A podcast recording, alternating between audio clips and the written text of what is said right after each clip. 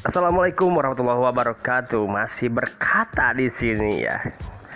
Jangan takut berkata karena berkata itu bisa mengungkapkan sesuatu. Berkata itu bisa meluapkan isi hati. Satu lagi dari temen gue nih ada karena berkata itu dapat mengungkapkan rasa asik. Ini gue masih lanjutin episode yang sebelumnya ya. Di sebelumnya kita ngebahas tentang yang namanya buaya darat. Nah ini kita akan baca fakta-fakta unik tentang istilah buaya darat. Kan banyak orang yang nggak tahu kenapa sih harus buaya, kenapa nggak kelinci, kenapa nggak kambing. Oke, inilah. Ini gue baru dapat referensi baru ini. Mungkin sih dari kalian udah banyak ya yang apa yang baca-baca ini gue baru baru nemuin di voi.id nah ini istilah buaya darat dipakai untuk menggambarkan lelaki brengsek dalam tanda kutip yang menduakan, meninggalkan, bahkan mengempatkan pasangannya. Wadaw, sampai mengempatkan ya. Nah, ini sangat kontras sekali dengan kenyataannya bahwa predator tersebut sebenarnya itu setia. Ya nah yang seperti gue bahas di sebelumnya bahwa buaya itu adalah hewan setia. Lalu kenapa dari mana asal muasalnya istilah buaya darat ini? Nah ini banyak sekali ya teori yang berusaha mengungkap asal usul istilah buaya darat. Ada yang bilang berasal dari legenda Baltazur yang mengisahkan si buaya darat dari Riau Buaya Baltazur konon sering memangsa gadis-gadis muda. Bukan dimangsa dalam artian sesungguhnya ya. Nah, sebab biasanya tubuh korban ditemukan utuh, namun keperawanannya yang hilang. Aduh, jadi kayak gini ya.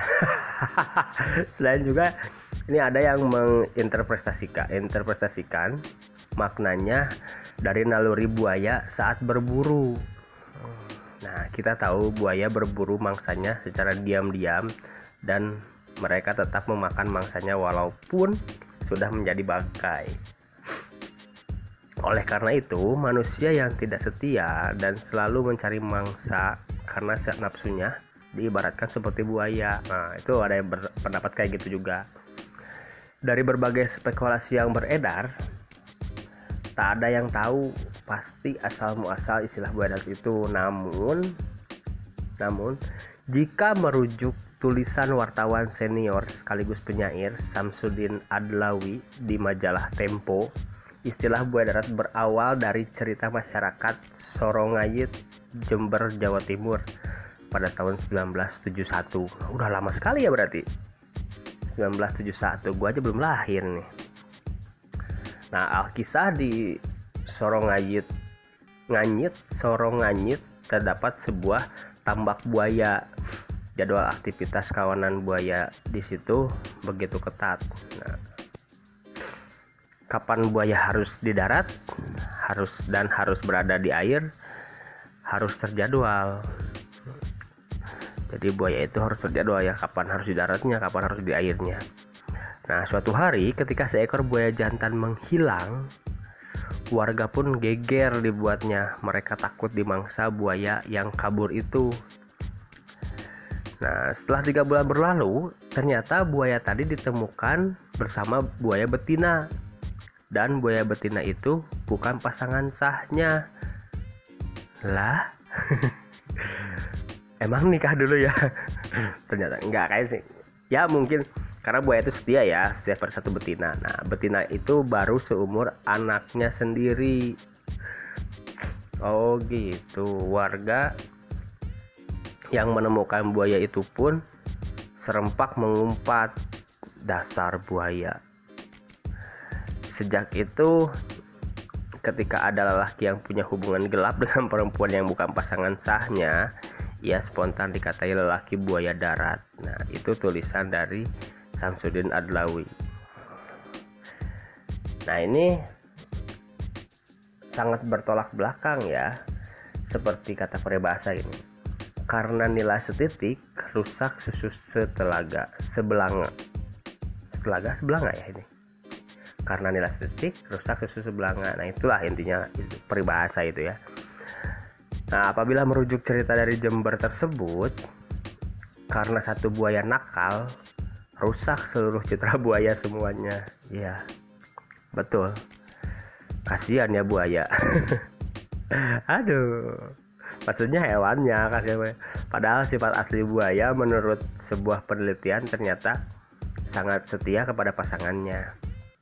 Nah hal itu dibuktikan dalam jurnal keluaran kelompok peneliti Rockefeller Wildfile eh, Wildlife Rockefeller Wildlife Refuge RWR di Louisiana Amerika Serikat atau AS pada tahun 2008. Nah, dalam penelitiannya, selama 10 tahun mereka fokus meneliti kesetiaan buaya. Waduh, nih. Kalau seorang peneliti itu kayak gitu ya, sampai tahunan dia meneliti buaya. Hasilnya, mereka dibuat takjub karena buaya jantan tak akan berpaling ke betina lainnya. Dan begitu pun sebaliknya. Berarti buaya tuh termasuk setia ya. Hmm, sampai-sampai buaya jantan buaya jantan akan selalu melindungi si betina yang hendak bertelur. Dan si jantan akan menjaga telur-telur tersebut hingga tiba waktunya bayi-bayi menetas. Nah jadi gantian yang jaganya itu yang jantan atas dasar itu buaya dianggap setia kepada pasangannya. Kalaupun si betina mati terlebih dahulu maka si jantan tak akan kawin lagi dan mencari pasangan baru. Nah itu jadi buaya itu setia ya hidup semati. Nah itu sebetulnya. Kalau yang hidup semati berarti ibaratkan pasangan buaya. Nggak seperti itu juga kali ya. Nah ini nih kata peneliti RWR mengungkap seperti ini kami menemukan bahwa 70% dari buaya betina kita yang disatukan kembali akan menunjukkan kesetiaannya kepada pasangannya. Kami takjub karena pasangan buaya yang dikawinkan bersama pada tahun 1997 masih akan berkembang biak bersama pada tahun 2005 dan masih bersama beberapa tahun setelahnya. Nah, ungkap dari peneliti RWR RWR hmm, bahasa Inggris sedikit ya gue nggak apa-apa dalam jurnal Royal Alligators Display Mating Habit of Bird tahun 2008 Nah, karena sifat setianya tersebut, buaya dijadikan ikon dalam profesi eh profesi lagi. Buaya dijadikan ikon dalam prosesi pernikahan bagi orang Betawi. Nah, seperti kemarin ya udah gue udah gue bahas juga ya. Nah, simbolnya diwujudkan ke dalam makanan khas yang wajib dibawa dalam proses pelaminan yaitu roti buaya. Ya, menurut tokoh muda Betawi, Betawi Maskur tokoh muda Betawi Maskur Isnan. Nah ini sorry ya kalau gue agak belepotan bacanya. Ini gue baca nih. Nah roti buaya memiliki nilai sosiologis dan psiko filosofis. Hmm, wah salah lagi gue roti buaya memiliki nilai sosiologis dan filosofis bagi orang Betawi. Nah, apalagi etnis Betawi telah sedari dulu hidup dekat dengan sungai dan rawa. Oleh sebab itu etnis Betawi erat dengan habitat buaya berada. Nah gitu. Ini begini nih. Bagi orang Betawi kesetiaan buaya cuman salah satu wujud yang diteladani sebab dalam roti buaya turut melambangkan hal lainnya juga seperti kejantanan, penuh kekuatan, serta kesabaran yang saat berburu mangsa.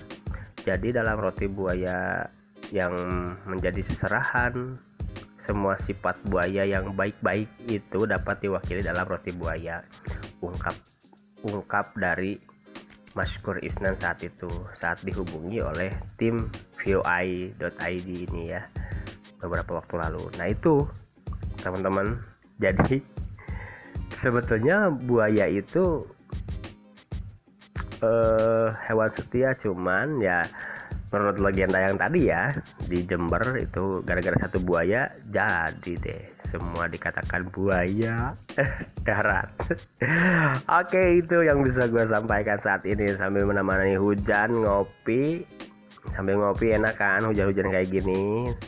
Nanti malam yang tahun baru nih pergantian tahun ke 2021 aduh tetap jaga kesehatan jaga jarak pakai masker selalu cuci tangan dan ah pokoknya mah intinya jaga kesehatan yang lagi di jalan hati-hati. Pokoknya kalau ke mana-mana harus pakai masker. Oke okay, thank you semuanya. Assalamualaikum warahmatullahi wabarakatuh. Besok kita bahas apa lagi ya? Masih di berkata